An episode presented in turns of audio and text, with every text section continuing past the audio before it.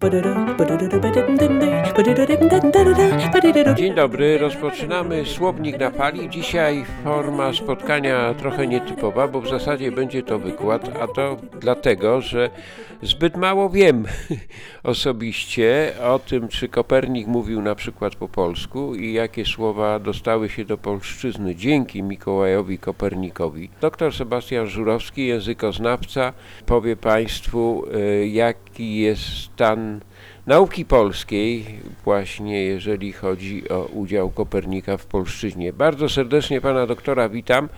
Dzień dobry. Witam pana redaktora, witam państwa. No i jest mi miło, że premierowo gramy temat, który jeszcze, jak państwo byście sprawdzili w przeglądarkach, w obiegu nie funkcjonuje. A my na naszej antenie już o nim powiemy. Bardzo proszę, panie doktorze.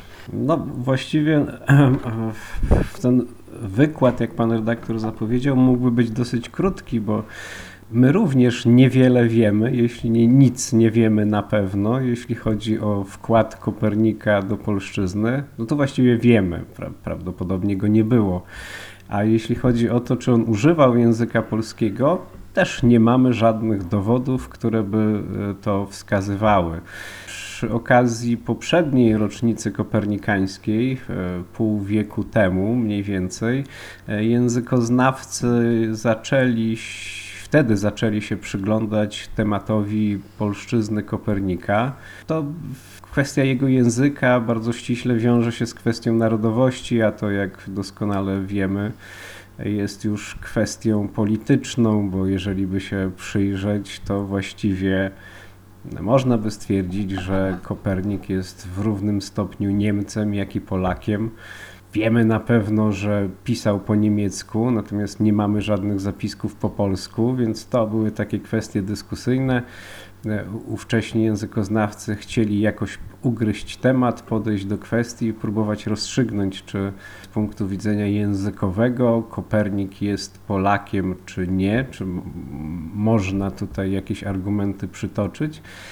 No rzeczywiście co jakiś czas ten temat gdzieś tam wraca, chociaż nikt bardzo się w, w badaniach naukowych temu nie poświęca, bo no, po prostu mamy za mało danych nie mamy za bardzo dokumentów.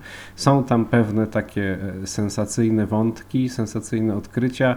Niektórzy na, na podstawie jedno, dwóch wyrazów zapisanych gdzieś tam na marginesie w księdze, która na pewno należała do, do Mikołaja Kopernika, wysuwają hipotezy, znaczy właśnie nie hipotezy, z całą pewnością twierdzą, że Kopernik pisał po polsku i mówił po polsku, no ale to są rzeczy, których nie, nie jesteśmy pewni, chociaż coś tam można powiedzieć. Ale no to w takim razie mówi Pan kwestia polityczna, ale przecież to za bardzo chyba w jakim języku pisał pracę, to wiemy, ale w jak, jakim językiem się posługiwał ówcześnie nie ma takiego znaczenia, no właśnie nie wiem, politycznego. To, to, to miało znaczenie w Polsce PRL-owskiej, w PRL-u w Polsce kilkanaście, kilkadziesiąt lat po II wojnie światowej, to na pewno miało znaczenie. Jeżeli przeniesiemy się w realia epoki, no to dosyć późne, ale jednak średniowiecze, nie było tam pojęcia narodu w takim sensie, jak, jak my, to, my to współcześnie odbieramy. Nawet pojęcie kraju nie do końca było takie, jak teraz byśmy to chcieli rozumieć, bo granice były dosyć otwarte, przecież nikt nie strzegł, nie stawiał murów, nie było patroli granicznych, to, to wszystko było dosyć umowne. Królem Polski mógł być Szwed, mógł być Węgier, mógł być właściwie przedstawiciel jakiegokolwiek rodu królewskiego. No i w, te, w tym układzie Mikołaj Kopernik był taką dosyć typową postacią, bo Toruń, w którym się urodził i w którym mieszkał w pierwszej części swojego życia, właściwie nastoletniej części swojego życia, no to było miasto polsko-niemieckie. Było, miasto, było miastem należącym do Polski, ale wielu mieszczan pochodziło z terenów niemieckich. Używało się tu co najmniej tych dwóch języków plus łaciny jako języka urzędowego.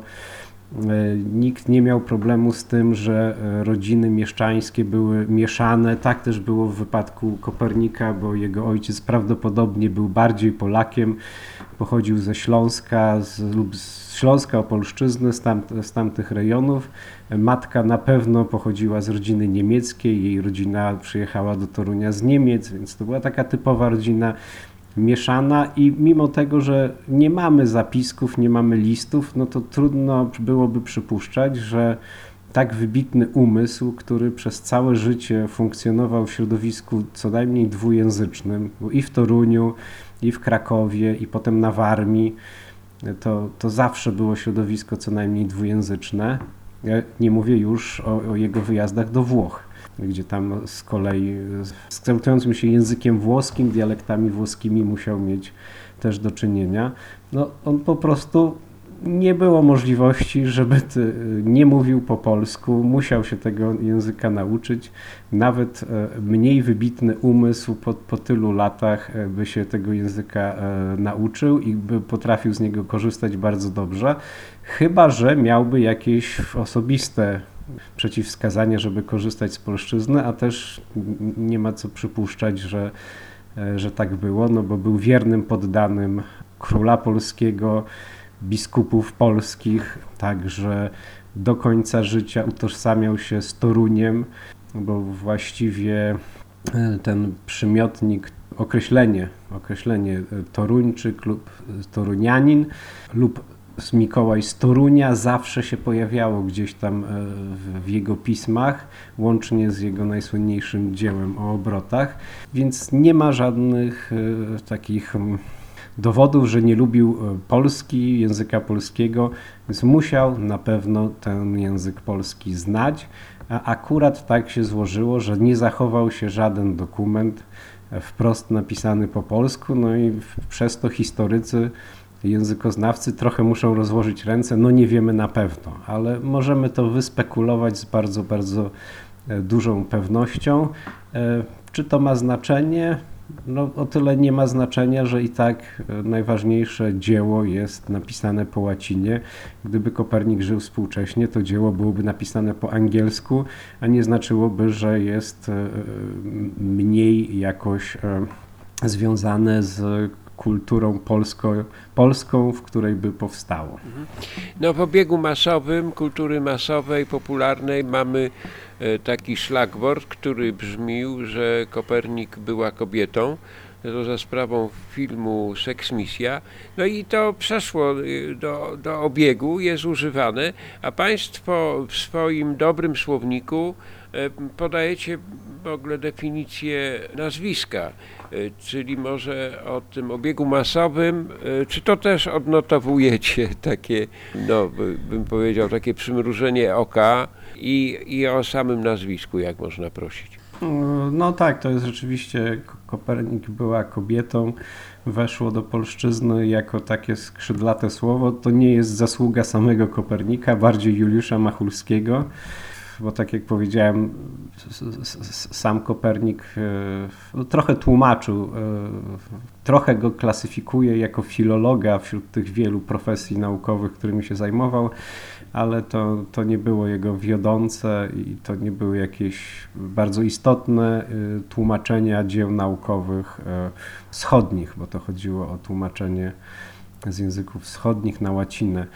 E, nazwisko, tak jak powiedziałem, rodzina od strony ojca jest prawdopodobnie rodziną polską czy śląską. To też oznacza, że może być wymieszana z jakimiś korzeniami niemieckimi czy czeskimi. A nazwisko wprost jest związane z miedzią, e, to znaczy e, łacińskie cuprum, późniejsze angielskie copper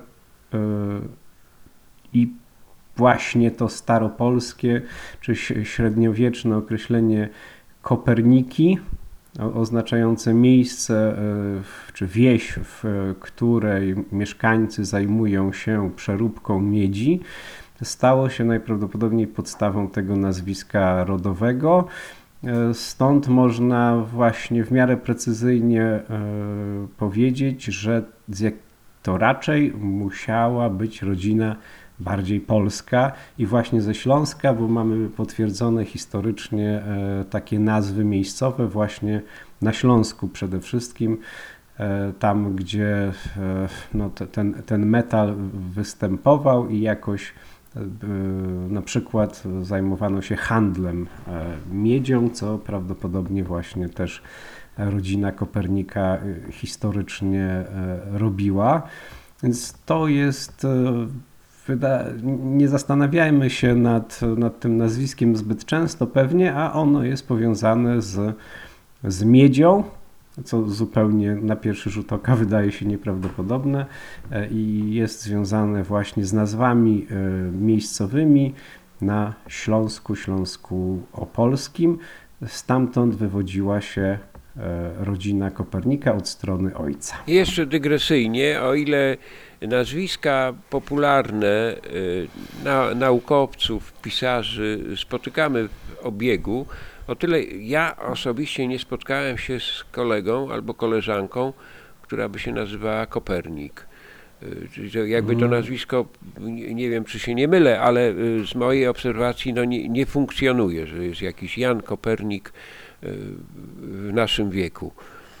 Mm, Tak, na, nawet też e, w, teoretycznie w Toruniu, gdzie nazwisko miałoby największe szanse na przetrwanie pewnie, e, też nie znam nikogo, żadnej ani prywatnie, ani bardziej publicznej e, osoby, która to nazwisko by nosiła. To przyznam, jest do sprawdzenia, to znaczy można sprawdzić e, liczbę e, nosicieli e, danego nazwiska w Polsce i pewnie by się znalazła jakaś grupa, no ale nie jest to nazwisko jakoś bardzo popularne i drugiej osoby bardziej znanej o takim nazwisku rzeczywiście też ja nie znam, nie, nie jestem w stanie przytoczyć, nie, nie kojarzę. Pamiętać też trzeba, że w tamtym czasie nazwiska dopiero się kształtowały i też pewnie trudno by było powiedzieć, że to e, Kopernik to mogło już być wtedy w pełni wykształconym nazwiskiem, takim, które było przekazywane z pokolenia na pokolenie po ojcu. E, Niektórzy mieli takie nazwiska wtedy, niektórzy nie. E, Na przykład niektóre osoby, które funkcjonowały równolegle z Kopernikiem, jeszcze nazwiskami na pewno się nie posługiwały i są znane w historii. To zwłaszcza dotyczy jego kolegów z czasów studenckich e, w Krakowie. Są znane z historii po prostu jako, no jeżeli tak jakby to byłby Mikołaj z Torunia, czyli imię i z kąt. Więc nie wszyscy jeszcze wtedy mieli nazwiska, niektórzy już mieli, niektórzy nie, niektórzy mieli takie nazwiska, które były jeszcze tylko przydomkami, niektórzy właśnie posługiwali się tym określeniem e, z miejsca urodzenia, miejsca pochodzenia. I to wtedy jeszcze było wymieszane, nie było żadnych takich prawnych norm regulujących to ściśle, tak jak to mamy współcześnie. I tak jak to pojawiło się e, właściwie no, dopiero gdzieś 100-200 lat po, po Koperniku. Bardzo serdecznie dziękuję. Mówił Se Sebastian y, z Torunia. tak, tak by pan funkcjonował w czasach Kopernika. A mm, rozmawialiśmy no, o takim, myślę, dosyć unikatowe to są obserwacje, y, które tutaj dzisiaj zostały poczynione. Bardzo proszę o słowo zamykające. No, tak wydaje mi się, że, że nie ma znaczenia ta polskość czy niepolskość y, Kopernika w y, tych granicach europejskich i, i, w świecie, gdzie granice się zacierają. Tak, wtedy te granice nie tyle się zacierały, co po prostu prawie ich nie było. I to, to, to pokazuje, że w pewnym sensie być może Europa zatacza wielkie koło. E, To znaczy integracja europejska wraca Europę do, do korzeni tego, że ktoś z Torunia studiował we Włoszech, studiował w Polsce, ale Polski i Włoch nie było w takim kształcie, jak współcześnie byśmy myśleli, więc to, to wszystko było bardzo skomplikowane, a, a z drugiej strony bardzo proste.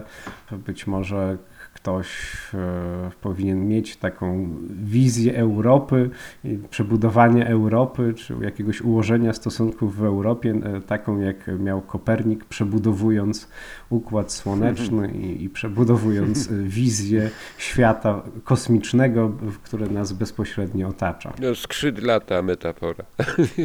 Bardzo dziękuję. Doktor Sebastian Żurowski, językoznawca, Uniwersytet Mikołaja Kopernika. Do usłyszenia za tydzień o tej samej porze. Dziękuję bardzo, do usłyszenia.